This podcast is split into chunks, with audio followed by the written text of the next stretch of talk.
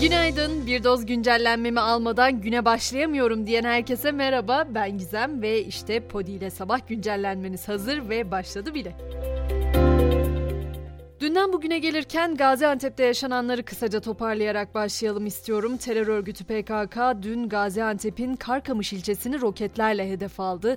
Biri öğretmen, biri çocuk. İki kişi yaşamını yitirdi, 19'da yaralı var. Son bilgilere göre ikisi ağır, 7 kişinin tedavisi sürüyor. Karkamış'taki tüm okullarsa bu hafta tatil edilmiş durumda. İstiklal Caddesi'ndeki patlamaya ilişkin de yeni gelişmeler var. Hüsam Kod adlı teröristin de aralarında bulunduğu 5 şüpheli daha tutuklandı. Bu soruşturmada da tutuklu sayısı 24'e yükseldi. Tüm bunlar yaşanırken gözler bir yandan da İsveç'te olanlara çevrildi. Hatırlayacaksınız İsveç ve Finlandiya'nın NATO yolculuğu teröre destek verdikleri gerekçesiyle Türkiye tarafından veto edilmişti. Türkiye ile müzakere süreci sonrası terörle mücadele yasa tasarısının onaylandığı İsveç'te dün durumlar bir hayli karıştı. Çünkü Gaziantep'teki terör saldırısının ardından Türkiye'nin Stockholm Büyükelçiliği binasına terör örgütü PKK propagandası ve Cumhurbaşkanı Erdoğan'a yönelik hakaret içeren görüntüler yansıtıldı yapıldı. Olayın ardından İsveç'in Ankara Büyükelçisi Dışişleri Bakanlığı'na çağrıldı ve Türkiye'nin eylemi kınadığı olayın soruşturulması talebi iletildi.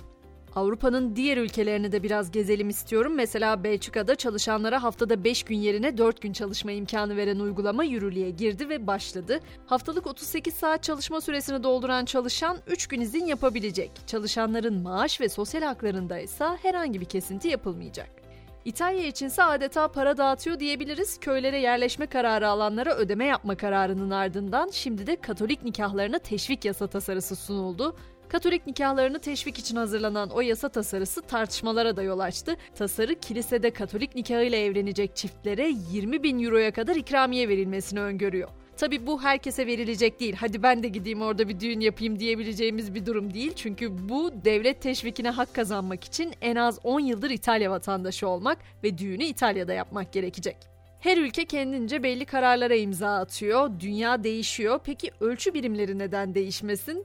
Dünyanın dört bir yanından bilim insanları işte bu konu için Fransa'da toplandı ve en büyükle en küçük sayıları daha kolay ifade edebilmek için yeni ölçü birimlerini belirledi. Yeni karara göre en büyük sayılar için Rona ve Quetta, en küçükler için ise Ronto ve Quecto kullanılacak.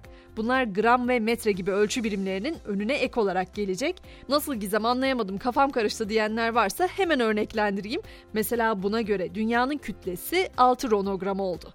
Bir yenilik de uydu sistemlerinde yaşanacak. Avrupa Birliği yeni uydu sistemi kurmaya hazırlanıyor. Sistemle Avrupa Birliği ülkelerinin ekonomilerinin ve devletlerin güvenli, hızlı ve dayanıklı iletişim ihtiyaçlarının karşılanması, başka ülkelere bağımlılıktan kurtulması hedefleniyor. Avrupa Birliği'nin bu sistemi kurması için Avrupa Birliği kurumları arasında anlaşma da sağlanmış durumda. Şimdi yurda dönelim istiyorum. Üzücü bir haber var. Ünlü televizyoncu ve son dönemin gözde sosyal medya programcısı Armağan Çağlayan yaptığı son paylaşımla sevenlerini üzdü. Armağan Çağlayan kansere yakalandığını açıkladı. 56 yaşındaki Çağlayan üzücü haberi sağlık taramasında akciğerimde bir kitle tespit edildi ve yapılan tetkikler sonucunda bugün kitlenin yüksek ihtimalle kanserli olduğu ortaya çıktı sözleriyle paylaştı. Hemen hemen her başlığa değinmişken sporu es geçecek değilim tabii ki. Hemen Katar'a gidiyoruz ve Dünya Kupası'ndaki son gelişmeleri aktarmaya çalışacağım. Tabii dünyanın gözü kulağı Katar'da olduğu için oradaki dedikodular da hiç eksik olmuyor. Mesela Dünya Kupası kapsamında düzenlenen tüm etkinlik ve eğlencelere ezanla birlikte ibadet arası verildiği belirtiliyor. Tüm şarkı ve etkinlikler bu sırada durduruluyor. Öte yandan FIFA'nın aldığı değişik kararlar da var. Mesela One Love yazılı pazu bantlarını yasaklamıştı. Şimdi de bu Dünya Kupası sırasında Belçika formasının yakasında bulunan Love yazısı yasaklandı. Öte yandan eminim merak edenlerimiz ve takip edenlerimiz var. Onlar için de maç sonuçlarını ve bugün oynanacak maçları da anlatmak isterim. Dünya Kupası'nda dün öne çıkan karşılaşma A grubundaki Hollanda-Senegal karşılaşmasıydı. Bu karşılaşmada Hollanda Senegal'i 2-0 mağlup etti.